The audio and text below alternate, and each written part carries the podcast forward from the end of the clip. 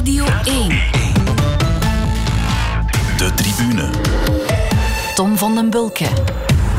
Welkom bij de tribune aan het einde stilaan van een zonnige maandag. Een dag met heerlijk weer om te fietsen. En ik durf te denken dat zeker één van onze twee gasten dat ook gedaan heeft. Goedenavond, Ilio Keijsen. Goedenavond.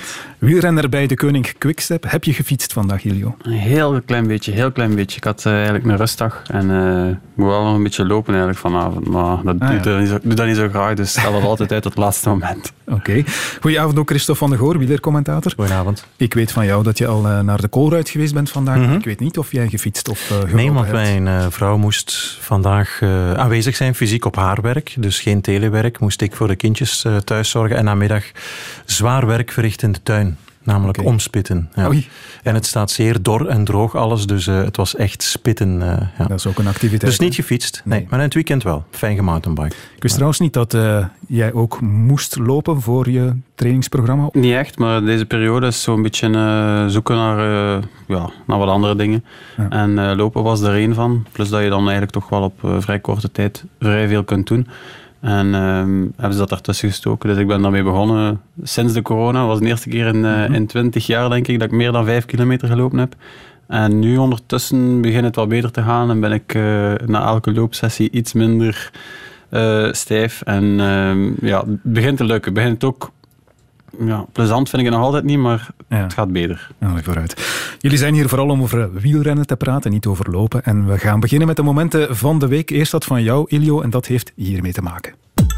Sinds deze week mogen de wielertoeristen weer de baan opruimen. Ja, een groep van maximaal 20 wel te verstaan. En het zal u vanochtend ook wel zijn opgevallen. Plots waren ze daar weer, de groepen wielertoeristen. Blij als kinderen, want ze mogen dus de vleugels weer uitslaan. Sinds begin deze week al, maar de traditionele hoogdag voor wielertoeristen is uiteraard vandaag de zondag. De leden geven toe dat het allemaal toch niet zo makkelijk is. Ik heb een vriend gehad onder de baan en dan zei maar een stukje had een gel mee en een proefdrouwen geeft dat maar mij. Ik zeg, ga zit ga op, zeker, dat mag niet. maar daar zit het dat je rap in, in die relatie weer zit. Hè. Het is echt moeilijk voor daarop te letten. Hè. Het is niet evident, maar fietsen in groep, het mag weer, Ilio. En uh, je hebt dit gekozen, want vorige week was blijkbaar de eerste keer dat je het ook weer gedaan hebt. Ja, allereerste keer in groep. Uh, de eerste keer ook in tien weken dat ik uh, gewoon met iemand aan mijn zijde gereden heb. Dus ik heb eigenlijk uh, de handse periode alleen getraind. Helemaal alleen getraind. Mm -hmm. um, Was dat bewust eigenlijk? Want je mocht toch uh, met twee gaan? Ja, nee. Bewust. Ja. Ik had er eigenlijk... Uh, geen behoefte aan? Geen behoefte aan. En op het einde eigenlijk ook zelfs eigenlijk helemaal, helemaal geen zin meer in. ik vond het ook zelfs al bijzonder vervelend als er iemand in mijn wiel kwam zitten die, die ik niet kende of zo. En dan ja, zover ging het eigenlijk. Dat, dat, is, uh, dat is vrij snel zo geëvolueerd. Maar nu uh, was ik toch blij dat we terug een keer in groep konden rijden. Mm -hmm. En um, ja, het is toch iets anders. Want uh, ja, het waren ook wel een aantal, een aantal sterke mannen bij, zoals uh, Tige Benoit en dergelijke, die, die toch al vrij goed op dreef zijn. of nog altijd vrij goed op dreef zijn. En ja, dan dan doe je toch, het is een hans andere inspanning in groep dan, dan helemaal alleen. Maar de regels zijn er wel nog, hè? er moet afstand gehouden worden. Wordt dat allemaal mooi gerespecteerd ook binnen de groep? Ja, we zijn zo'n beetje heel rustige wegen gaan opzoeken. Uh, toch, toch wel wel lastig. En dan is het net iets makkelijker om, uh, om wat meer afstand te houden. Maar echt de heel de meter en een half constant, het gaat natuurlijk niet. Dat kan je niet als je, als je in groep rijdt. Maar um, ja, mm. voor de rest hebben we wel vrij goed opgelet om, om daar voorzichtig mee te zijn ja. en om niet te snotteren in een groep en weet ik wat allemaal. Ja. Dus de, de, de, normale dingen. Want dat is wel iets wat gebeurt, dat weet jij ook natuurlijk, dat er al wat snot door de neus gejaagd wordt. En op dat moment kun je daar misschien nog wel op letten, maar niet altijd. Hè? Ja, op training kan je daar sowieso op letten. Een wedstrijd is misschien net iets moeilijker. Ja. Uh, maar voor de rest hebben wij uh, keurig aan de, aan de, de regels gevolgd. En uh, ik moet wel zeggen dat dat, dat serieus aanpassen was. Want als je tien weken alleen getraind hebt en eigenlijk tegen niemand gesproken hebt, behalve met, tegen je eigen bubbel thuis, ja. dan, dan is het wel even aanpassen om terug in groep te rijden en, en om vier, vijf uur tegen elkaar te zitten babbelen. Maar ik moet zeggen, ik ben thuisgekomen en, en ik was opgelucht dat ik, het, dat, dat, ik eindelijk terug in groep had kunnen rijden. Dat is een, een serieuze ommezwaai, hè? want jij bent eigenlijk iemand die al jaren aan een stuk altijd maar in teamverband aan het sporten bent. Hè? Ook trainingen langs de Schelde bijvoorbeeld, altijd in groep. Ja, maar ik, ik, ben, ik heb wel altijd uh, heel veel trainingen alleen afgewerkt. Ja, toch? Ja. Dus ik heb, heb, heb trainers die helemaal niet graag alleen trainen en die altijd in groep moeten zijn om een deftige training te doen. Bij mij is dat niet zo. Maar toch in groep doe je an, andere dingen. En zeker nu ook, er was veel wind. Uh, we hebben een wire getrokken en zo. En, en dat kun je niet alleen. Dat, is, dat, is, dat zijn andere inspanningen. Zie jij ze bij jou in de buurt alweer uh, volop? Ja, ja absoluut. Want ja, ik woon in Scherpenheuvel en uh, het bedevaartseizoen is volop aan de gang. Dus afgelopen zondag en ook de donderdag voordien op Hemelvaart was het uh, eigenlijk zwart van het volk, van de fietsers. En ze hielden niet allemaal, moet ik zeggen, anderhalve meter afstand. En dat is ook niet mogelijk, want een fietser wil instinctief gewoon in dat wiel zitten van zijn voorganger. Dat is des fietsers, zou ik bijna zeggen. Maar ze waren met heel vele en niet alleen maar groepjes van tien man. Um, wel veel twee aan twee, zag ik zo. Per vier, per zes, maar ook grotere groepen hoor. Dus uh, ja, zoals we ook gisteren zagen in de reportage, in sportweekend of sport op zondagavond. Mm -hmm. Met zo'n grote groep is dat bijna ondoenbaar. Je moet dat splitsen in een aantal groepen. Hè, want ja, ja. Gezond verstand ge gebruiken. Zeker weten. We gaan uh, uiteraard straks voortpraten over de koers, maar het moet niet allemaal wielrennen zijn. Uh, Christophe, heb jij gedacht dan blijkbaar, want jouw moment heeft te maken met Michael Jordan. Most people struggle to be present. People go and sit in ashrams for 20 years in India, trying to be present. Do yoga, meditate, trying to get here now. Most people live in fear because we project the past into the future. Michael's a mystic. He was never anywhere else. His gift was not that he could jump high, run fast, shoot a basketball. He was completely present. And that was the separator. Een fragment uit de Netflix-reeks The Last mm -hmm. Dance. We hoorden een psycholoog, denk ik, was het over Michael Jordan. Wat wil je hierover kwijt?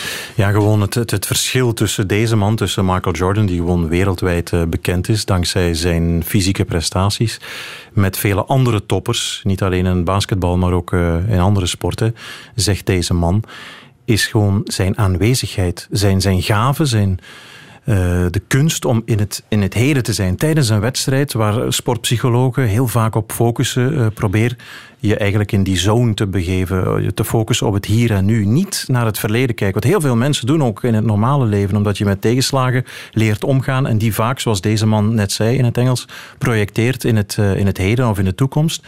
En die Jordan die kon het verleden zo goed van zich afzetten in die vier keer tien minuten.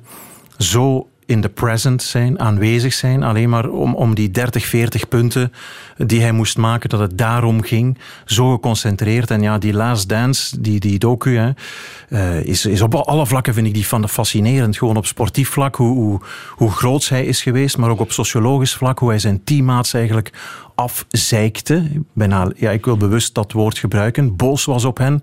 Wanneer ze bijvoorbeeld in de, in de locker room zaten te lachen of te gniffelen uh, een uur voor de wedstrijd. Concentreer je mannen, het gaat hier om de NBA-titel, om play-offs. Hoe, hoe, de, hoe, zijn intermenselijk verkeer, zijn omgang eigenlijk ja, geen tien op tien was. Hè. Mm -hmm. Mensen die het gezien hebben zullen toch wel een, een, beeld krijgen van Michael Jordan van oei, dat was niet zo'n plezante. Maar dat typeert nu ook weer net die toppers uiteraard. Je ziet daar ook in voor en achter de schermen dat wie was eerst op training om te shotten al voordat de training begon?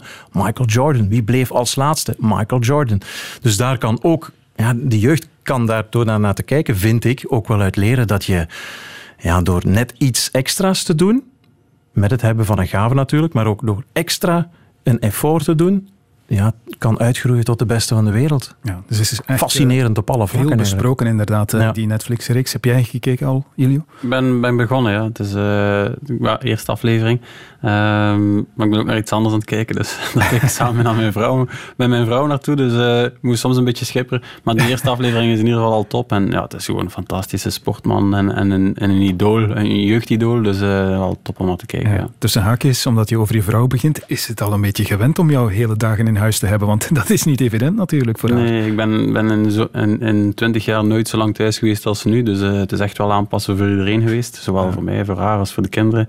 Maar uh, gaat eigenlijk heel goed, ja. Ja, oké, okay, prima.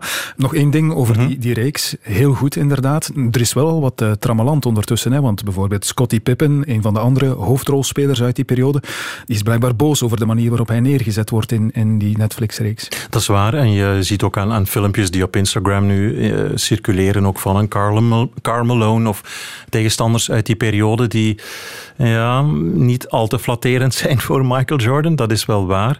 Uh, aan de andere kant vind ik het ook wel knap dat die Michael Jordan in een, in een reeks waar hij toch een grote zeg in heeft gehad, niet wordt uh, neergezet als alleen maar de God. Het is niet alleen maar uh, halleluja en uh, alles is goed. Nee, je krijgt toch na tien afleveringen een beeld van oei, dit moet een moeilijk mens zijn geweest. Vandaar misschien ook op een bepaald ogenblik dat hij tegen de regisseur en interviewer zegt van cut, stop, dat hij begint te wenen. Dat hij ook beseft wat voor iemand hij is geweest en welke impact hij heeft gehad op zijn medemensen, medespelers. Dus ja, op dat vlak vind ik wel dat het in zekere zin een, een oké en juist een uh, beeld geeft. In de zin van, het is niet alleen maar halleluja, wat, wat je vaak toch hebt in, in uh, hagiografieën bijvoorbeeld, hè, waar, waar, waar, mensen weinig kritisch, uh, kritische noten in, in hebben kunnen plaatsen. Dat is hier wel het geval. Dus dat vind ik wel sterk. Het was nog één keer reclame voor The Last Dance. Kijken ja. is de boodschap. De tribune. Terug naar het wielrennen, want een koers op de weg, het lijkt alweer een eeuwigheid geleden. Weten jullie trouwens wanneer die gereden is? De laatste wegwedstrijd voor profs? Even nadenken misschien al. Ik denk dat ik erbij was, uh, Parijs-Nice. Ja, klopt. Ja. Mm -hmm. We gaan eens luisteren. En Quintana gaat naar zijn uh, vijfde zege van het seizoen toe. Allemaal op Franse grond.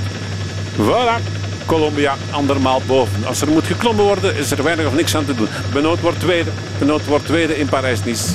Pino, Higita, Nibali en Schachman. 12 seconden. Die de meubelen redt.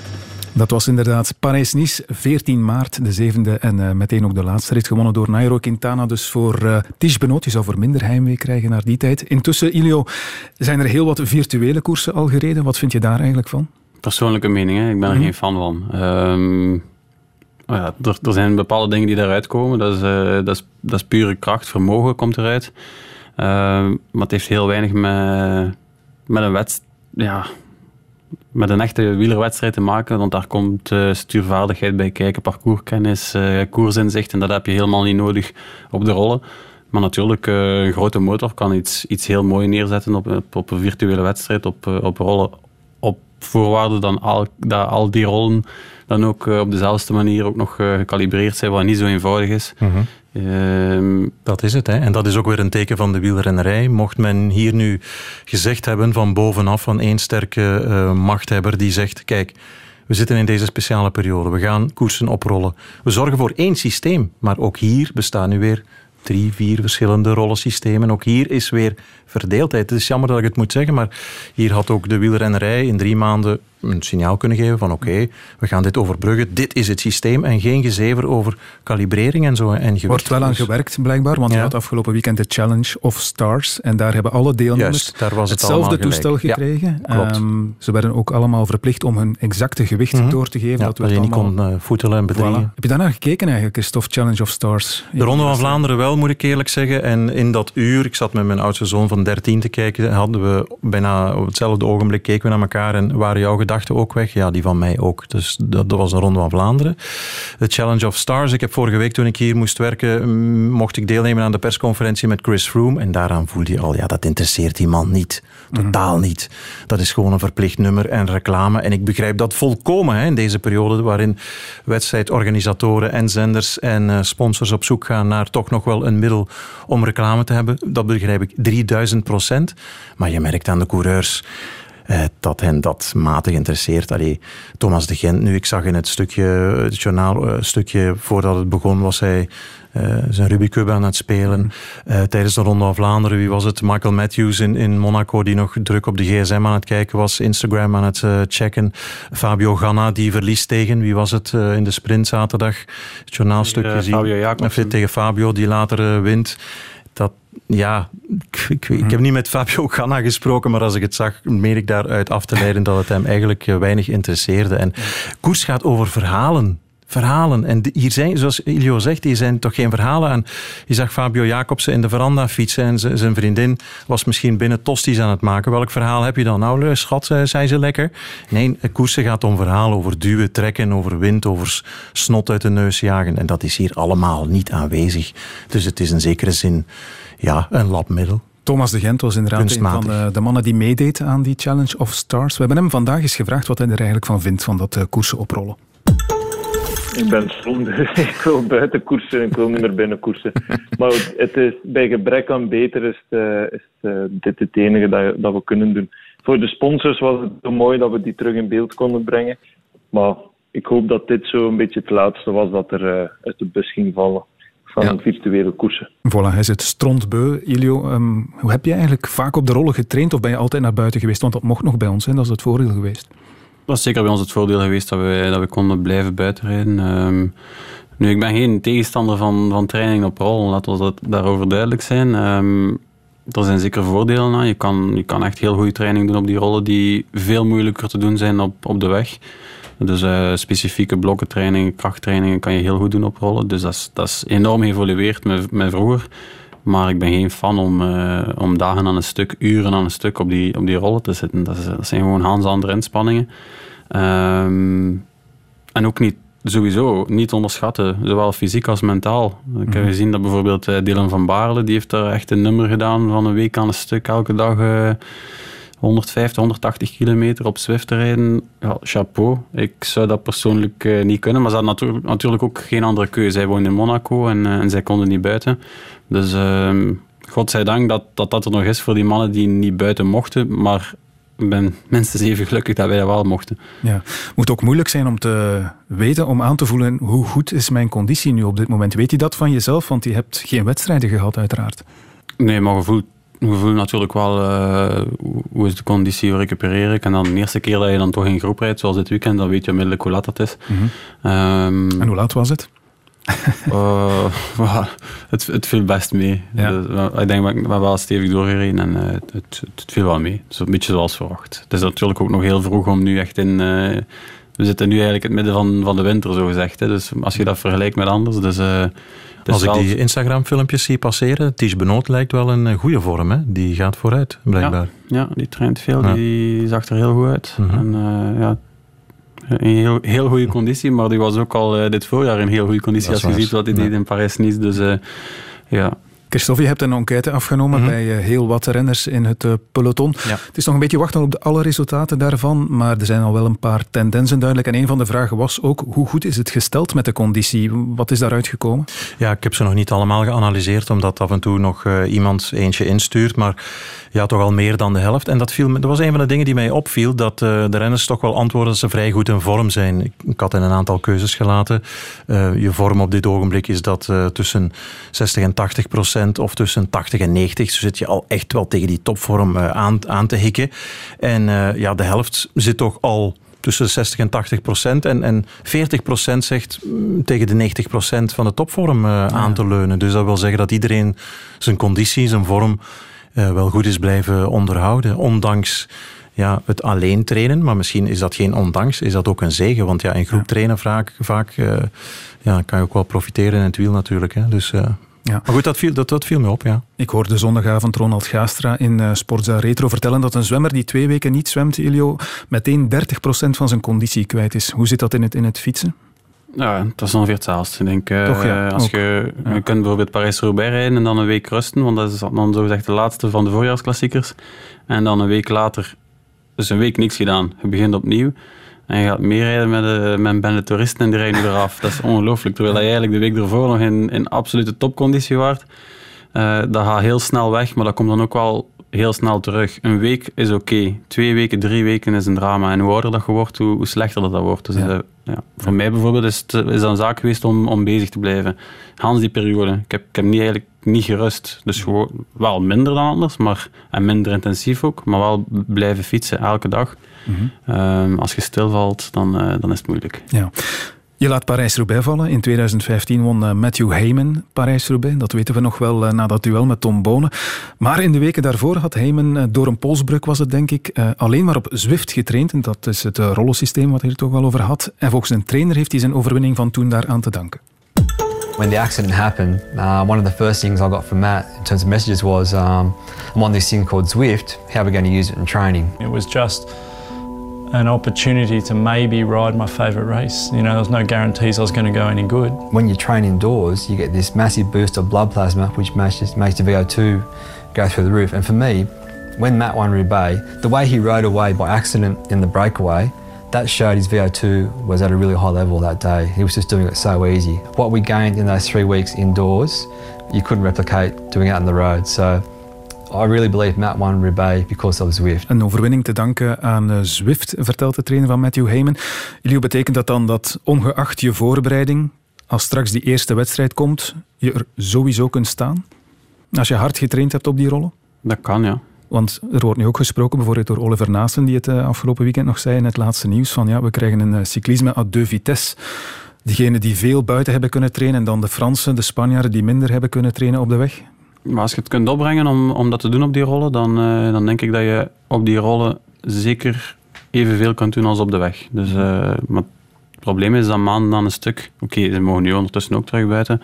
Maar om dat op die manier vol te houden, het is vooral een mentale kwestie. Maar als je dat kunt, dan kun je volgens mij ook op rollen en op Zwift en uh, binnenshuis in conditie blijven voldoende om een gelijke, een gelijke conditie te, te, houden met iemand die, die wel buiten mag trainen. Mm. Nu, meer en meer in het buitenland ook, Christophe, mogen mm. ze weer uh, normaal gaan trainen. Hè? Dus uh, tegen dat die eerste wedstrijd het er uiteindelijk komt, zal iedereen misschien wel zijn misschien werk in de balans doen zijn. Ja. Ja. dat kwam ja. ook wel een beetje uit, uit mijn vragenlijst. Dat merendeel van de renners die uh, hebben ingevuld en teruggestuurd zeggen van ja, het is wel een voordeel dat wij Belgen hebben buiten kunnen trainen in vergelijking met de Spanjaarden. Maar goed, een, een Tosh van de Zande heeft ook al een tijdje. Overdag mocht hij niet buiten, maar wel s'avonds laat bijvoorbeeld.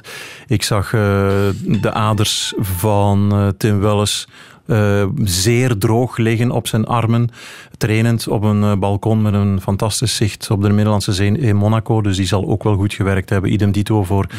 Jasper Stuyven en zo. Dus Gilbert is een vorm.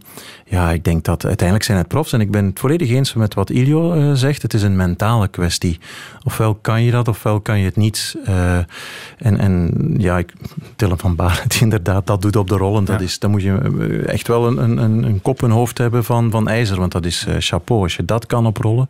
Maar inderdaad, het, het blokken trainen, het intensief trainen, zoals de trainer net ook zei van Matthew Heyman, dat kan je wel zeer uh, effectief doen. Ja.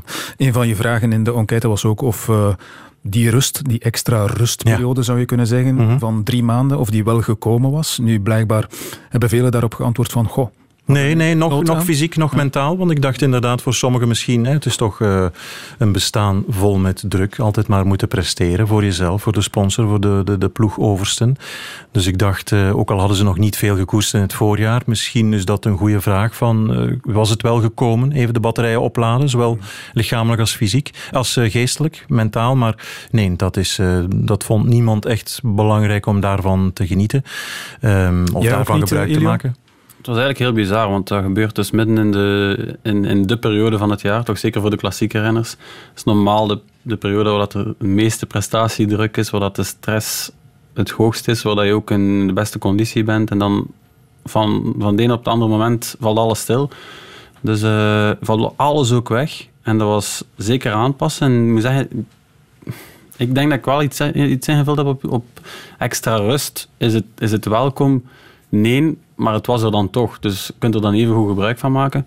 Uh, maar dat is natuurlijk ook maar een, een bepaalde periode. Ik denk mm. dat dat een aantal weken oké okay was en nu helemaal niet meer. Dus uh, ik denk dat, uh, allee, dat hoor ik van, van de mannen waar ik mee gefietst heb nu, dat iedereen echt op de, op de toppen van zijn tenen loopt. En dat is gewoon, ja, ja. Allee, daarnet Thomas de Gent ook, iedereen wil nu gewoon echt de nummer erop en gas geven. Ja, want op de vraag van, ben je bereid om te koersen zonder publiek? Ja, overgrote meerderheid zegt ja, dus ze willen publiek of niet, ze willen koersen, ze willen terug aan het werk, ze willen terug in die bubbel van dat peloton, wat eigenlijk al ja, des mensenleven een bubbel op zich is natuurlijk. Daarin willen ze zijn, dat, dat is wel heel duidelijk. De tribune. Ja, koersen, iedereen heeft er dus goesting in, maar we zijn er helaas nog niet aan toe. Daarom gaan we nog eens grabbelen in ons archief en daar kwamen we ook dit tegen. Durbridge nog altijd en hij zet aan van op de kop en Keijsen moet zich nu uit dat wiel wurmen en gaat er meteen langs. Keijsen op weg naar de overwinning in deze Giro. Jawel hoor, Ilio Keijsen gaat deze etappe winnen. Durbridge drinkt nog een klein beetje aan, maar hier komt hij. Ilio Keijsen wint in Milaan. niet te doen. Voilà. Niet neuten, niet pleuien. Keijsen wint. Dat is even nog niet goed, denk ik. Magnifiek. Je mooiste overwinning? Absoluut, absoluut. Ik win misschien niet zoveel, maar als ik win is het speciaal. De Turkije en, en, en dingen zoals deze, ja, dat, dat blijft gewoon bij. Dat is, dat is voor altijd. Hè. Het is bijna dag op dag, vijf jaar geleden. Ilio Keijsen wint de slotrit in de ronde van Italië. Heb ik dat nu goed gezien of was dat kippenvel op je arm? Ja, ik ben daar enorm gevoelig aan. Ja, ik zag eh, het. Ja, ik, Ja, ik nog altijd, nog altijd. Ze staan nog altijd terecht. Ik onmiddellijk, ja. Maar het is ook gewoon een fantastische herinnering. En eh, ja, mijn mooiste overwinning. Dus, eh, Was het de meest emotionele dag ook uit je carrière? Ja, zeker, zeker. Ja. Allee, ik bedoel, dat is dan achteraf, maar dan dat, dat liedje van eh, Kings of Leon dat aan het spelen was, Mhm. Dat was dan ook op de begrafenis van Wouter gedraaid. Eerder in die Giro waren Wouter zijn ouders daar geweest. Zijn zus stond eh, over de meet, want die, werkt, eh, die werkte toen als PR eh, voor, voor een concurrerende ploeg. Mijn vader was daar, bedoel, dat was alles tegelijk. Ook zo onverwacht eigenlijk. En ja, maf, maf, alles samen, alles kwam daar samen. Ja, mooi eerbetoon inderdaad ook aan Wouter Weiland. Er wordt een docu-reeks gemaakt hè, nu over de val, naar aanleiding van het boek ook dat verschenen is. Jij speelt er ook een rol in, neem ik aan. Ja. Emotioneel is het al geweest, eh, heb ik me laten vertellen door eh Lieve van Gils, die de reeks maakt. Ja, mag gerust zijn. De dag eh, dat dus de langste opnames geweest zijn, eh, was, eh, was een bijzondere dag. En ik zou niet... ook bij momenten een pijnlijke dag. Een lach en een traan, alles samen. Eh, want, ja, dus, alles kwam aan bod natuurlijk. Dus we hebben heel veel mooie momenten gehad. Maar er zijn ook heel trieste dingen gebeurd. En ja, het was eh, een beladen dag. Een pittige dag. Zeker een reeks waar we naar uitkijken eh, later dit jaar of misschien in het voorjaar van eh 21 op Canvas. Intussen, waar we zeker ook naar uitkijken, dat is koersen natuurlijk. Hè. Die nieuwe kalender, die eh, ligt er nu op tafel. En eigenlijk is de eerste wegwedstrijd niet meer zo ver af, heb ik eh, eens bekeken. Van 2 tot en met 5 juli vindt de Sibiu Cycling Tour plaats. Zegt je dat iets, Elio? Nee, nog nooit van gehoord. Het is in, Roemenië. Ja. In Roemenië, daar gaan ze er weer aan beginnen. De Koning Quickstep is er dan misschien niet bij, of heb je toch geen weet van? Nee. Daar, heb- daar heb ik eigenlijk nog niks van gehoord. Eh, Nee. Nee, er zijn twee World Tour ploegen al ingeschreven, eh, CCC en eh, de Israel Startup ploeg. Die gaat er naartoe. Ja, dus, ze eh, staan allemaal klaar om te koersen natuurlijk. En Voilà. vorige week kreeg ik ook een, eh, een belletje van de organisator van de Heisse Pijl bijvoorbeeld. Die eh, organiseert op 1 augustus Mhm. als nationale koers. Dus niet meer een categorie, veel categorieën hoger dat hij, dat hij stond. Om toch maar alle profs in België, ook jongens die voorbij de Luidse ploegen rijden, de kans te geven om te koersen. Want iedereen zal heel graag willen koersen. En op dit ogenblik kan je niet inschatten mannen uit, eh, uit het buitenland bijvoorbeeld, kunnen die reizen, mogen die reizen, mogen die binnenkomen of niet. Dus die organisator heeft beslist om een categorie lager te, te zakken, nationaal, kermiskoers eigenlijk, om toch eh, in de hoop zoveel mogelijk coureurs aan de start eh, te hebben. Nu, ik heb die kalender ook nog eens te goed bekeken, want daar is zoveel over te doen geweest. En eigenlijk verbaas ik mij er nog over, in augustus bijvoorbeeld, dat, dat heel veel kleinere wedstrijden, met alle respect voor Pantani en, en, en Druivenkoers en, en de Ronde van de Limousin, die gaan ook nog allemaal gewoon door. Die hebben hun plaatsje op de kalender mogen behouden. Hè. Dus eh, dat, zou- dat had je eventueel kunnen zeggen, maar dat- ik weet dat dat een beslissing is van de UCI. Mensen die daar al stonden in de tweede helft van het seizoen, die gaan we daar niet wegduwen. Die hebben daar recht op hun plaatsje waar ze altijd al stonden. Maar die hebben dat nog altijd eh, mogen behouden. Dus eh, ja, men, men heeft het over die overvolle kalender. Ja, denk ik dan. Maar wanneer ik zie dat heel veel van die kleine koersen daar ook nog allemaal op staan, is het misschien niet zo'n groot probleem. Je had het over 1 augustus, dat is ook de dag van eh, de Strade Bianchi. Dat is eigenlijk het echte begin, zeg maar. Vanaf dan is het het ene na het andere. José de Kouwer was hier een eh, paar weken geleden ook te gast in de tribune en zei daarover toen dit. De Internationale Wielerunie heeft afgelopen week de kalender bekendgemaakt voor het wielrennen. Kort gezegd komt het hierop neer. Wat we anders doen in zeven maanden, dat gaan we nu doen erdoor rammen, zeg maar, in drie maanden. José, gekke werk of niet? Eh, ja, uiteraard gekke werk. Eh, vooral voor het, eh, het logistieke van de wielerploegen, het organisatorische, dat moet geregeld worden. Waar, welke vrachtwagens sturen we naar waar, welke fietsen moeten waar zijn. Hoe worden die overlappingen overbrugd? Hoe gaan we dat allemaal doen? ja, dat wordt een heel, groot, heel groot probleem. We horen het graag eens van een renner zelf natuurlijk. Ilio, wat vind jij ervan, van die kalender? De kalender is overvol natuurlijk, hè, maar ik denk eh, als alles logistiek kan geregeld worden, dat het doenbaar is. Ik bedoel, ehm, drie grote rondes, een aantal klassiekers ertussen en, en een paar dingen die overlappen. Dat, het zal sowieso kiezen worden voor de renners. Hè. Ik bedoel, iedereen zal het programma kunnen rijden dat hij, dat hij wil. Dat kan anders ook, ook al moeilijk, maar nu zal het echt wel eh, een zaak zijn om een, om een duidelijk programma te hebben vanaf dat dat terug begint de grotere wedstrijden dan. Denk inderdaad vanaf 1 augustus tot, eh, tot eigenlijk het einde van het seizoen. Dat zijn je wedstrijden dat wordt er van u verwacht. En iedereen vanaf 1 augustus tot het einde van het seizoen uh, zo goed mogelijk. Ja. Dus kort en bondig. Um, om het logistiek te regelen, dat klopt inderdaad. Er zijn, uh, niet iedereen beschikt over dezelfde middelen, dus dat zal een beetje zoeken worden. Maar ik denk dat de meeste ploegen daar wel uh, al, al, het mogelijke zullen aan doen om dat, om dat geregeld te krijgen. Ja, hoe, hoe, hoe, zit het bij jullie? Heb je daar al een idee van hoe, hoe alles verdeeld zal worden bij de Koning Quickstep? Nee, die verdeling is, is ten eerste niet aan mij. Ik denk, uh, iedereen hoopt natuurlijk op, op het ideale programma. Um, dus ja, ik denk dat het ideale programma is, zeker als klassieke renner, is uh, tourklassiekers en dan daarna nog een Bingbank of zo erbij. Mm -hmm. Maar de plaatsen zijn heel duur. Zowel dat is ook de wat jij wil? Ja, wie niet? Ik bedoel, ja, maar uh, de plaatsen zijn heel duur voor de Tour en, uh, en minstens even duur voor de klassiekers, dus dat is, dat is onmogelijk. En dan zijn de renners die gaan moeten, gaan moeten tevreden zijn met een, met een alternatief programma dat daarom niet minder mooi is. Maar, ja. Naar Denemarken, naar Tirreno in september, in eind augustus, naar... Uh, en daar deel ik wel de mening van Lefevre. Die zei van uh, Quebec en Montreal, die behouden daar hun plaats. Uh, moest dat nu? Moet dan een deel van het peloton nog richting uh, Canada? Want dat maakt het natuurlijk wel heel moeilijk, hè, logistiek. Ja, dat maakt het moeilijker. Guangxi zit er ook nog voilà, tussen. China zit er tussen, is inderdaad. Nodig. Ja. Ik denk dat de renners daar het meeste schrik voor hebben.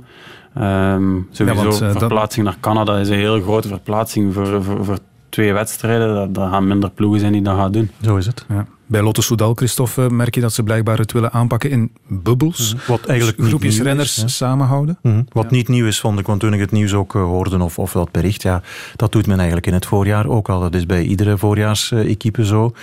Ilio Keijsen maakt ook, uh, zit ook niet met, met de rondrenners in het voorjaar nee. op de kamer natuurlijk. Dus dat, dat met vast personeel en zo. Dus dat is niet helemaal nieuw, vind ik. Maar uh, gaan jullie ook niet met die kalender moeten indelen? Want als je verplaatst maart, april, dan gaat iedereen nu in topvorm willen zijn in augustus. Maar jouw koersen, jullie koersen, onze koersen in Vlaanderen, zijn pas vanaf uh, begin oktober. Dus je gaat toch ook moeten kijken om niet te vroeg in vorm te zijn, want begin oktober is nu eigenlijk begin mei. Ja, maar het gaat sowieso puzzelen zijn. Ik denk ja. dat uh, de zwaarste taak eigenlijk bij de, bij de trainers ligt. Ja. Die, de, die zowel het wedstrijdprogramma samenstellen als de, de, de trainingsopbouw richting dat seizoen. Ja, want eind mei zegt iedereen, we zijn moe. Uh, oei, de Amstel komt eraan. Lukt het nog? Ja, voor, voor Van Avermaat wel, maar voor 90% van dan, valt dan af wegens moe. Dus het gaat toch goed moeten bekeken worden, toch? Ik denk dat moe op die drie maanden niet zal meetellen. Nee. Dat, uh, Tot het gaatje. Doorgaan. ja. Ja. Zie je het allemaal gebeuren ook, Ilio? Want dat is natuurlijk de grote vraag. Oké, ook jij hebt die glazen bol niet natuurlijk, maar ja, op dag van vandaag, wat denk je? Ik, kan, ik kan enkel hopen. Hè. Ik, bedoel, uh, ik hoop dat het kan. Uh, ik hoop dat er nergens uh, een opstoot komt of, of gelijk wat, of dat er een geval is in het peloton. Dat zou een drama zijn. Ehm, ik denk dat de meeste ploegen het ook effectief heel hard nodig hebben om te koersen, om terug in beeld te zijn. Uh, ook voor de toekomst van, uh, van een aantal ploegen. Dus uh, laat ons hopen dat alles kan doorgaan. Maar ik zeg, ja, like dat je zegt, ik heb geen glazen bol. Ik weet niet of dat zal en kan doorgaan. Maar, ja. ja. Het is voorbereiden natuurlijk ook stilaan. Er wordt een en ander uitgeprobeerd. Jullie plannen blijkbaar ook een stage in de maand juni? Maar ik denk dat elke ploeg zal op stage gaan. Hè. Zeg, maar wel niet ver van huis dit keer. Om te beginnen niet. Denk ja. Ik denk dat er een eerste stage gebeland is voor de, voor de Belgische renners heel dicht bij huis. Uh, een aantal dagen. Ik zag dat er nog een keuze was of dat je bleef slapen of naar huis ging slapen. Dan dat dat, uh, dat, dat nog open staat. Dan daarna zullen er ook nog een aantal uh, normale, normale stages zijn. Ik denk uh, dat elke ploeg dat op dezelfde manier min of meer zal doen. Met die bubbels inderdaad, zodanig dat er niet te veel gemixt wordt tussen renners van dezelfde ploeg onderling. Mhm. En hopen dat, er, uh, dat iedereen gezond blijft. Maar moest het zijn dat er toch iemand zou ziek worden, dat er dan ook maar één van de bubbels is die, uh, die eventueel zou uitvallen. Ja. Maar laten we hopen van niet, dat dat, dat, dat niet, niet, niet, gebeurt. Maar dat is natuurlijk de grote schrik voor de ploegen en ook de grote onzekerheid, onwetendheid. Krijgen we opnieuw, of bestaat de mogelijkheid dat we opnieuw een scenario zouden krijgen zoals in de Emiraten in het voorjaar, dat één ploeg daar twee, drie weken moet blijven. Dat is de grote schrik voor iedereen. Er is geen vaccin, dat is punt één. Het voordeel is dan weer dat de koers een, een sport is buiten. Wat doe je met het publiek? Um, kan je die op afstand houden? Doet men dat zoals in Parijs-Nice, waarvan ik persoonlijk vond, door het te zien dat dat op niks trok, want je verplaatst het probleem gewoon ja. 30 meter voorbij het start- en, en finishpodium, dat had geen zin, want de mensen stonden daar dan bij elkaar gedrumd. Aan de andere kant zien we ook jaarlijks in de Tour de France dat het Franse leger en de gendarmerie perfect een bussen van jonge militairen kan afzetten om de 15 meter op een kool. Dus waarom kan dat ook niet met een soort van schiftingssysteem van aantal mensen op een kool? Dat is perfect te doen, lijkt mij. Onderweg kan je de mensen niet met een matrak uit hun voortuintjes wegkloppen. Dat gaat ook niet. Dus hoe gaat men dat aanpassen? Eh, of aanpakken? Aan de andere kant denk ik dat, dat ASO en de Fransen die gaan alles in het werk stellen om die Tour te laten doorgaan, omdat dat het symbool is, of een van de symbolen voor Frankrijk. En daar is ook zoveel geld mee gemoeid. Iedereen en alles in dit wereldje hangt af van die drie weken Tour. En daar gaat men echt alles voor doen. Wanneer een kleinere koers gaat wegvallen, dan gaan daar helaas voor die mensen weinig hanen naar kraaien. Maar de Tour, daar gaat men echt alles voor in het werk stellen. Zonder publiek eventueel, dat is voor jou geen bezwaar? Je wil gewoon koersen, denk ik. Ja, het zal sowieso een ander belevenis zijn, uh, maar, maar het kan best zonder publiek. Ik denk dat alles ook heel mooi in beeld gebracht wordt en dat dat ook voor, natuurlijk, als het in augustus is of uh, mensen komen natuurlijk liever buiten naar de koers kijken dan als, op, dan als op tv naar de koers kijken. Maar ik denk dat alles goed in beeld kan gebracht worden om het, om het zonder publiek te doen en om mm. toch uh, er iets moois aan, aan over te houden. Ja, de De Koning Quickstep ploeg gaat prat op haar bijnaam, de Wolfpack. Hoe zit het daarmee intussen eigenlijk? Want ja, een teamsmede, dat gaat nu moeilijk. Hè? Um, horen jullie ook elkaar vaak bijvoorbeeld? Nou, we hebben zo'n een WhatsApp-groep, wij horen elkaar wel. Ja. Uh, natuurlijk iets minder dan in andere periodes, maar ja, we zijn sowieso heel veel op pad gedurende het jaar en, en ook de laatste jaren. Ik denk dat dat niet zomaar weg is uh, op, uh, op, nee. op twee, drie maanden tijd. Plus we zien elkaar binnenkort weer allemaal terug en dat komt wel goed. Hoe is het met de meest besproken renner van jullie ploeg, Remco? Hoor je hem vaak? Ik heb hem vandaag nog gehoord, ja. Ah ja, kijk. Ja, alles goed. Hij wil koersen. Hè. Hij kijkt naar de, naar de Ronde van Italië. Alberto Contador zegt dat hij die zomaar als kan winnen bij zijn debuut. Wat denk jij? Als Contador dat, dat zegt. Als, als de ene weet, zal Contador wel zijn, zeker. Maar um, ja. hij heeft al heel veel laten zien. Wat denk ik daarover? Um, het zou zomaar even kunnen. Maar het zou zomaar ook even kunnen tegenvallen. Dus het is zijn eerste grote ronde. Ik denk dat je daar heel voorzichtig moet in zijn. Maar in ieder geval denk ik dat er wel uh, een ploeg klaar gestoomd wordt om hem uh, goed bij te staan. En uh, hopelijk kan hij daar iets, iets heel moois neerzetten. Jij hebt al gedaan wat hij nog moet doen. Hè? Een rit winnen in de Giro. Dus, maar dat is een kwestie van, van, van tijd. tijd. Misschien weinig tijd zelfs. De tribune. We moeten het nog over jouw persoonlijke situatie hebben, uh, Ilio. Je bent 37 jaar ondertussen, einde contract uh, na dit seizoen. En een nieuw contract is in deze tijden niet evident, ook niet voor Patrick Lefevre. Ik heb het zwaarste gehad uh, verleden jaar. Ik had 18 coureurs van de 25 eindcontract. Dus die onderhandelingsronde nu zal niet zo zwaar zijn, want het zijn er maar een paar.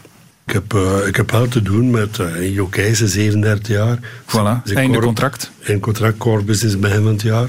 Behalve zesdaals we hen dan. Is er al gesproken ondertussen uh, over een nieuw contract, Ilio? Heb je idee welke richting het zou kunnen uitgaan? Maar het is een heel moeilijke periode om over contracten te spreken. Ik denk dat het nu gewoon zaak is om, uh, om, om met jezelf bezig te zijn. Uh, om ervoor te zorgen dat je in topconditie aan dat uh, korte, verkorte seizoen kunt beginnen. En kunt laten zien dat je plaats nog waard zit binnen de ploeg. En uh, ik denk dat ze in de ploeg heel goed weten wat ik, wat ik kan en wat ik niet kan. En dat is op twee maanden niet weg natuurlijk. Dus uh, ergens heb ik er wel vertrouwen in. Anderzijds ja, heb ik ook al eerder gezegd, je zei zo goed als je laatste wedstrijd.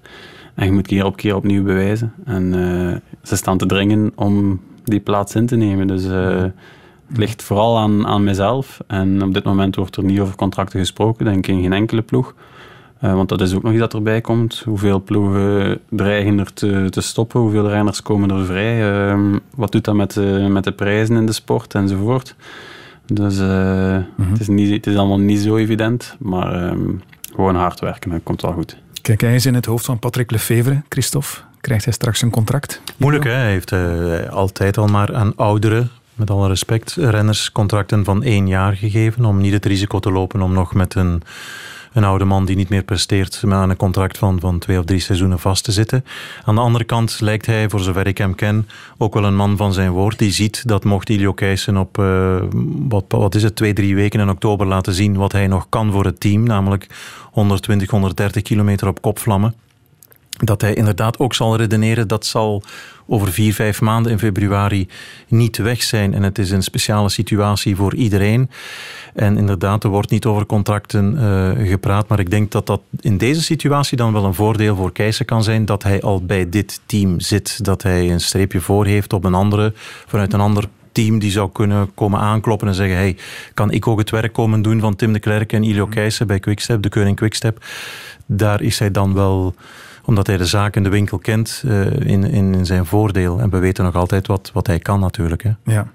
Vraag voor jou dan weer, uh, Ilio. Hoe lang wil je nog doorgaan? Dat is, dat is één ding. En twee, zou je het eventueel inderdaad nog willen doen bij een andere ploeg? Of stopt het als de Koning Quickstep zegt... Ja, nee. Ik zou heel graag bij, bij de Koning Quickstep blijven. Je bent er ook al meer dan tien jaar. Hè? Ja, absoluut. En, uh, zou het financiële nog een rol spelen? Of alleen nog de liefde voor het vak? Dat je zegt van, als ik mag koersen, ook al is het voor een abbekrat, dan blijf ik koersen. Of speelt dat toch nog een rol? Nou, ik zou nu wel uh, ja, ja, bedoel... een streef door mijn eigen rekening trekken, moest ik er zeggen van het nee, nee, maar, ja, niet meer mee. Je snapt wat ik, wat ik wil vragen. Want je zegt van, ik word 38, misschien is dan de liefde voor de fiets dat ene jaar toch zo groot dat je zegt van oké, okay, ik ga niet onder de marktprijs rijden, maar toch ja, ik, kan, ik zeker niet onder de marktprijs rijden, ik zie niet in waarom. Maar het is wel zo dat ik, uh, dat ik gewoon nog heel graag koers. En uh, er, zijn, er zijn renners die 37 jaar zijn en dat loopt op hun einde. En, en die doen het niet, niet zo graag meer. En, en alles wordt iets moeilijker, maar dat is bij mij niet. Ik sta nu te popelen om, om terug te koersen. En uh, dat is niet omdat ik einde contract ben, maar ik ben al de laatste jaren elk jaar einde contract geweest. Dus dat, speelt voor mij eigenlijk weinig rol. Um, doe het gewoon graag. En, maar bij een andere ploeg zou je het nog doen? Ik vraag het nog eens. Zeg nooit nooit, maar ik ga zeker niet veranderen om te veranderen. Ik denk, zie het ook niet zo voor me, eerlijk gezegd. Uh, Ilio nee. in een ander truitje dan dat blauw van de Koning Uitbollen bij Wanti? Nee. Ja, zeg kan we daar niet over uitspreken, maar uh, want, ik zou op dit moment kunnen zeggen nee, maar dan uh, bijvoorbeeld geen contract meer krijgen van Patrick. Voilà, en, en, en dan alsnog nog een, een mooie aan, ja. uh, aanbieding krijgen en, en dan een dom uitspraak gedaan op voorhand en dan voor een gesloten deur staan. Ik, ja. zeg niet nee, maar liever niet. Hm. Ja. Christophe, er zijn wel nog meer renners einde contract natuurlijk. Er was er eentje die op het einde van het seizoen uh, zonder contract zou zitten, Oliver Naassen. Maar kijk, mm -hmm. die heeft vandaag voor drie jaar bijgetekend bij AG Duzer.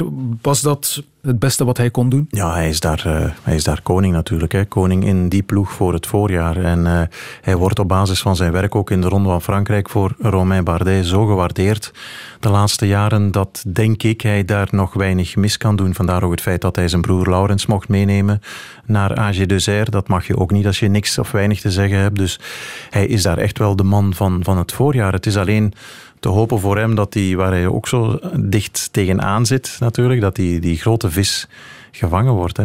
Dan kan je natuurlijk aan al die coureurs die die, die status hebben en die, die potentie hebben, altijd weer de vraag stellen, net zoals van, bij Van Marken destijds, van had jij al niet meer gewonnen, mocht je bij de Koning Quickstep bij Lefevre zitten, sterkere blok, ja, misschien wel, misschien niet. Ik wil dit net vragen aan, uh, aan Ilio, gaat uh, naast hem bij AG die grote klassieker winnen, of had hij dan inderdaad uh, beter een renner zoals hij voor de Koning Quickstep gekozen? Alles heeft zijn voor- en zijn nadeel. Denk, uh, we hebben inderdaad een heel sterk blok en we kunnen op verschillende pionnen spelen. Waardoor dat iedereen wel eens zijn kans krijgt, al moet je daar dan soms uh, net iets langer op wachten. Uh, het voordeel is als je, als je helemaal alleen kopman bent, bijvoorbeeld in die Franse ploeg zoals AG Desert, dat je vrijheid hebt in elke koers en dat je er gewoon keer op keer kunt voor gaan en dat altijd uw kaart is die getrokken wordt. Maar, mm. Ja, wat is het beste? Denk dat je dat als renner zelf moet afwegen. Hij weet het zelf ook niet, want die vraag is hem al gesteld natuurlijk. En hij zegt dan, ja, ik weet het ook ja, niet. En hij gaat bij Lefevre ook niet waarschijnlijk zoveel verdienen als bij AG Desert. en, en bij, ja, telkens weer de, de, nieuwe leuke verhalen in het voorjaar bij de Koning Quickstep. Hè, zoals het bij Gilbert was destijds. En je hebt daar Stibaert die wil winnen. En Lampaard. En Alaphilippe gaat zich op het Vlaamse werk. En te veel haan op een stok. En Sia La. Ja, dat, is, dat, dat maakt het levendig en houdt het uh, fijn. Terug naar jou, Ilio. En wie Ilio zegt, zegt ook het Kuipke in Gent. Met z'n drieën, zij aan zij. En Keijzer heeft nu de buitenbaan, bij manier van spreken. En dan komt hier de finish, de ontknoping. En dan is het Keijzer die het haalt. Voor de Ketler en Wiggins. En Keijzer krijgt iedereen recht op de banken. En het werd hand. De publiekslieveling van het Gentse Kuipke, als we dan over kippenvel spreken, Ilio, dat moet dat toch al vaak gebeurd zijn, denk ik dan. Nee? Ja, dat zijn kippenvelmomenten inderdaad. Ja. Denk, uh, elke keer dan ze hun naam er, uh, scanderen, dat doet dat wel iets met, uh, met de jonge man hier. Ja. Kan ik me voorstellen, ja. Ehm, je hebt die zesdaagse dan ook zeven keer gewonnen, dus het is niet zomaar dat je de publiekslieveling bent natuurlijk. Nu, de volgende editie is voorzien voor november. Ja, ook daar gaat dat ervan komen natuurlijk, want we kennen allemaal de tafereelen van het Kuiken. Hè? Volgepakt met een uh, middenplein. opgezweepte massa op het uh, middenplein. Dat wordt een moeilijke, denk ik. Hè? Ja. ik uh... Renners in een hokje van één meter breed met z'n tweeën samen. Dat ja. wordt ook scheiden. Dat soort dingen, ja, moeilijk hè, moeilijk. Kan dat met publiek zonder vaccin? Dat is uh, 10, ja. 10, 12.000 man. Hoeveel, hoeveel volk kan er binnen eigenlijk? Uh... 6.000, 7.000 man denk ik. Ah, ja. Zoiets ja, maar ik, ik wil ook de vraag stellen, kan het zonder publiek? Op papier uiteraard wel, maar zou je dat zien zitten? Zo'n zesdaagse van Gent, zonder die sfeer, zonder die ambiance, dat, dat lijkt me gewoon niks te zijn, nee? Dat, dat lijkt me ook een... Ik denk dat daar ook de meeste zesdaagse kapot gegaan zijn, omdat er te weinig volk kwam, dat je die ambiance niet meer hebt. En, en dat dat ook de sterkte is van de Zesdaagse van Gent, is dat er altijd zoveel volk is, zoveel ambiance is. Uh, neemt dat weg en hebt een ganz ander evenement. Ik uh, denk ook dat geen reclame is naar, uh, naar de jaren die daarop volgen dan weer. Dus, uh, en in tegenstelling tot de weg hangt uh, de Zesdaagse van Gent wel voor een groot deel af van ticketing natuurlijk. Hè. Dat is, mm-hmm. zou je kunnen zeggen, voor de koersen op de weg een beetje nu het, het voordeel van het nadeel. Dat deze sport niet afhangt, zoals in het voetbal, basketbal, noem maar op, van, van inkomgelden, van ticketing, alleen maar voor sponsoring. Mm-hmm. Maar toch, een Zesdaagse teert daar voor een groot deel van het budget wel op natuurlijk. Hè. Ja, en wat de toekomst ook brengt, Ilio, contract of geen contract, bij wie of wat, maakt niet uit. Maar je gaat toch nog minstens één keer die zesdaagse van Gent willen rijden, denk ik. Ja, ja, ik zou ze zeker graag nog één keer rijden. Ik zou ze zeker graag ook nog één keer winnen. Dus ga ik misschien nog twee keer of drie keer moeten rijden. Maar, de, um, maar dat ja. kan nog langer, hè? ook zonder de Koning Quickstep, denk ik. Dan kan je tot ja, je 40 maar ik, of, nee. ik heb er een bepaalde datum op geplakt. En, uh, ah, okay. en langer ga ik het ook niet, niet trekken. Ik denk mm. dat dat al uh, lang genoeg is. Mogen we die datum kennen? Nog twee jaar, tot je 39ste? Maar ik, uh, ik word dit jaar nog 38, dus... 40 dus? Voor mij zou... Ik heb altijd gezegd, ik wil graag koersen tot de dag dat ik 40 word. En dat zou dan uh, twee, drie weken voor de zesdaagse zijn. Ja. Uh, allee, twee, drie weken na de zesdaagse ben ik jarig en word ik 40. Dus dat is mijn, mijn doel. Dat heb ik zo in mijn kop gestoken. En als er bij mij iets in mijn kop zit, dan krijg ik dat er moeilijk uit. Dus uh, ja, daar ga ik voor werken. Zesdaagse rijden en dan paar weken later je, je 40ste verjaardag vieren. Ja. ja, en gewoon na de laatste dag van zesdaagse die fiets daar ergens aan de naken met zo'n katrolken omhoog. En, en dan naar het, blijven hangen. En dan naar het café van vader Ronnie. Ja, ja. mooi. De tribune. We zitten stilaan aan het einde van deze uitzending. Um, maar we kunnen het nog over Lance Armstrong hebben, Christophe. Uh, mm-hmm. Er is uh, na The Last Dance over Michael Jordan nu ook een tweede reeks over Lance Armstrong op de Amerikaanse sportzender ESPN. En dit is een fragmentje daaruit. Eddie Merckx had sent Axel, his son, to go see Ferrari, to be trained by Ferrari. I asked Eddie, I said, Will you introduce me to Ferrari? So I went there, got in the winter of 95 for my first first test, and then started working with him full time in, in 96. Whatever he said, I did to the word. Because we would ask, you know, we're like, oh, I heard somebody's doing this and I heard somebody's doing that. And should we think about that? He said, Lance, all you need is red cells. Lance Armstrong over uh, dopingdokter Michele Ferrari zegt dat Eddie Merckx hem als eerste gesproken had over dopingdokter Ferrari. Dat is niet helemaal nieuw, denk ik. Dat nee, is wel, dat al, staat dat ook is al wel uh, in een aantal boeken. beschreven in een aantal boeken, mm-hmm. inderdaad. Maar leren we dan uh, nieuwe dingen nog over Armstrong in deze reeks? Nee, niet echt. Hij blijft ook uh, hameren op het feit dat zijn straf, het afnemen van zijn zeven overwinningen van de Ronde van Frankrijk, niet in evenredigheid staat hè, tot wat hij gedaan heeft met het bekende adagio. Ja, ik deed wat, wat iedereen deed in die periode en daar kunnen wij hem wel in volgen als je de historie nu uh, herbekijkt. Want het waren zeker niet de Amerikanen die daarmee begonnen zijn, maar wel de Europeanen. Um, hij was het ook uh, beu, zoals vele andere jongens, om, om te verliezen tegen opgefokte terreinen, terreinen. Sorry. En uh, is dan ook die weg ingeslagen. Um, nu, ik, ik kan hem daar, zoals Hans van de Wegen deze week ook uh, dit weekend schreef in zijn column, ik kan hem daar in zekere zin in, begrijpen. De frustratie van Lance Armstrong dat zijn zeven overwinningen wel zijn afgenomen en vele andere dopingzondaars staan daar wel nog op, ook op uh, andere erelijsten. Vanmiddag nog eens gekeken, hè, Waalse Pijl, Luik, ja, noem ze maar eens op al de rebelliens en die Lucas en Hamburgers en Voerlands, die ook allemaal gepakt zijn, bekend hebben, die staan wel nog op die erelijst. Waarom deze wel en, en, en een ander niet? Ik denk dat veel te maken heeft met één, het was ook overheidsgeld, US Postal, de arrogantie, toch wel. Ja. Uh, die hebben ze hem uh, niet in dank afgenomen. En uiteindelijk uh, is het met een, een, een FBI-badge op tafel te leggen dat jongens als Hinkepie en Floyd Landis zijn gaan bekennen. Hè? Anders was dat ook nooit gebeurd, ja. denk ik. Jullie, als je deze reeks wil zien, wordt het misschien opnieuw uh, discussiëren met je vrouw over de afstandsbediening. Maar los daarvan, uh, de figuur Armstrong, wat roept die bij jou op? Dat is heel dubbel. Ik denk, uh, als, voor mij is hij een, een, een, jeugdheld geweest, dus een, een idool als, als renner.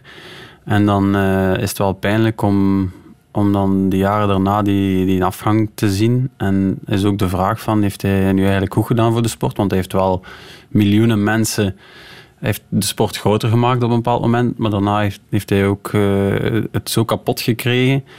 Is het nu goed geweest of slecht wat hij gedaan heeft? Uh, heel moeilijk. En ook dit, ik vind dat hij de laatste jaren uh, toch vrij ver naar de achtergrond teruggekeerd is mm -hmm. en uh, vrij bescheiden bleef. Mm. Ja, maar toch wel met duidelijke meningen. Heel vaak ook in zijn podcast, zoals bij het uitbreken van de coronacrisis, heeft hij duidelijk oproep gedaan naar jullie, het peloton van mannen, grijp nu eens opnieuw de macht, zoek eenheid dat blijft een thema. Eenheid is zeer moeilijk in de koers. Dus hij blijft wel altijd zijn goede of ja, meningen hebben. Hè. Hij ja, maar ik bedoel, hij heeft zich weinig laten zien. Hij heeft zich toch, toch een beetje ja, teruggetrokken. Ja. Mm -hmm. Nu, dit is weer een beetje, denk ik, uh, allee, neigt mij naar weer wat, uh, wat zelfpubliciteit, zichzelf weer in de spotlight brengen. En vraag ik me af, uh, was dit nog nodig? Ik denk dat het meeste erover gezegd is en dat iedereen het eigenlijk ondertussen wel weet. En ja, beetje, beetje jammer, beetje dubbel misschien. Over uh, Michele Ferrari nog gesproken, Christophe. Um, volgens ex-ploegleider Rudy Pevenage is hij nog altijd actief. Dat heeft Pevenage, denk ik, vorige week gezegd aan cyclingnews.com.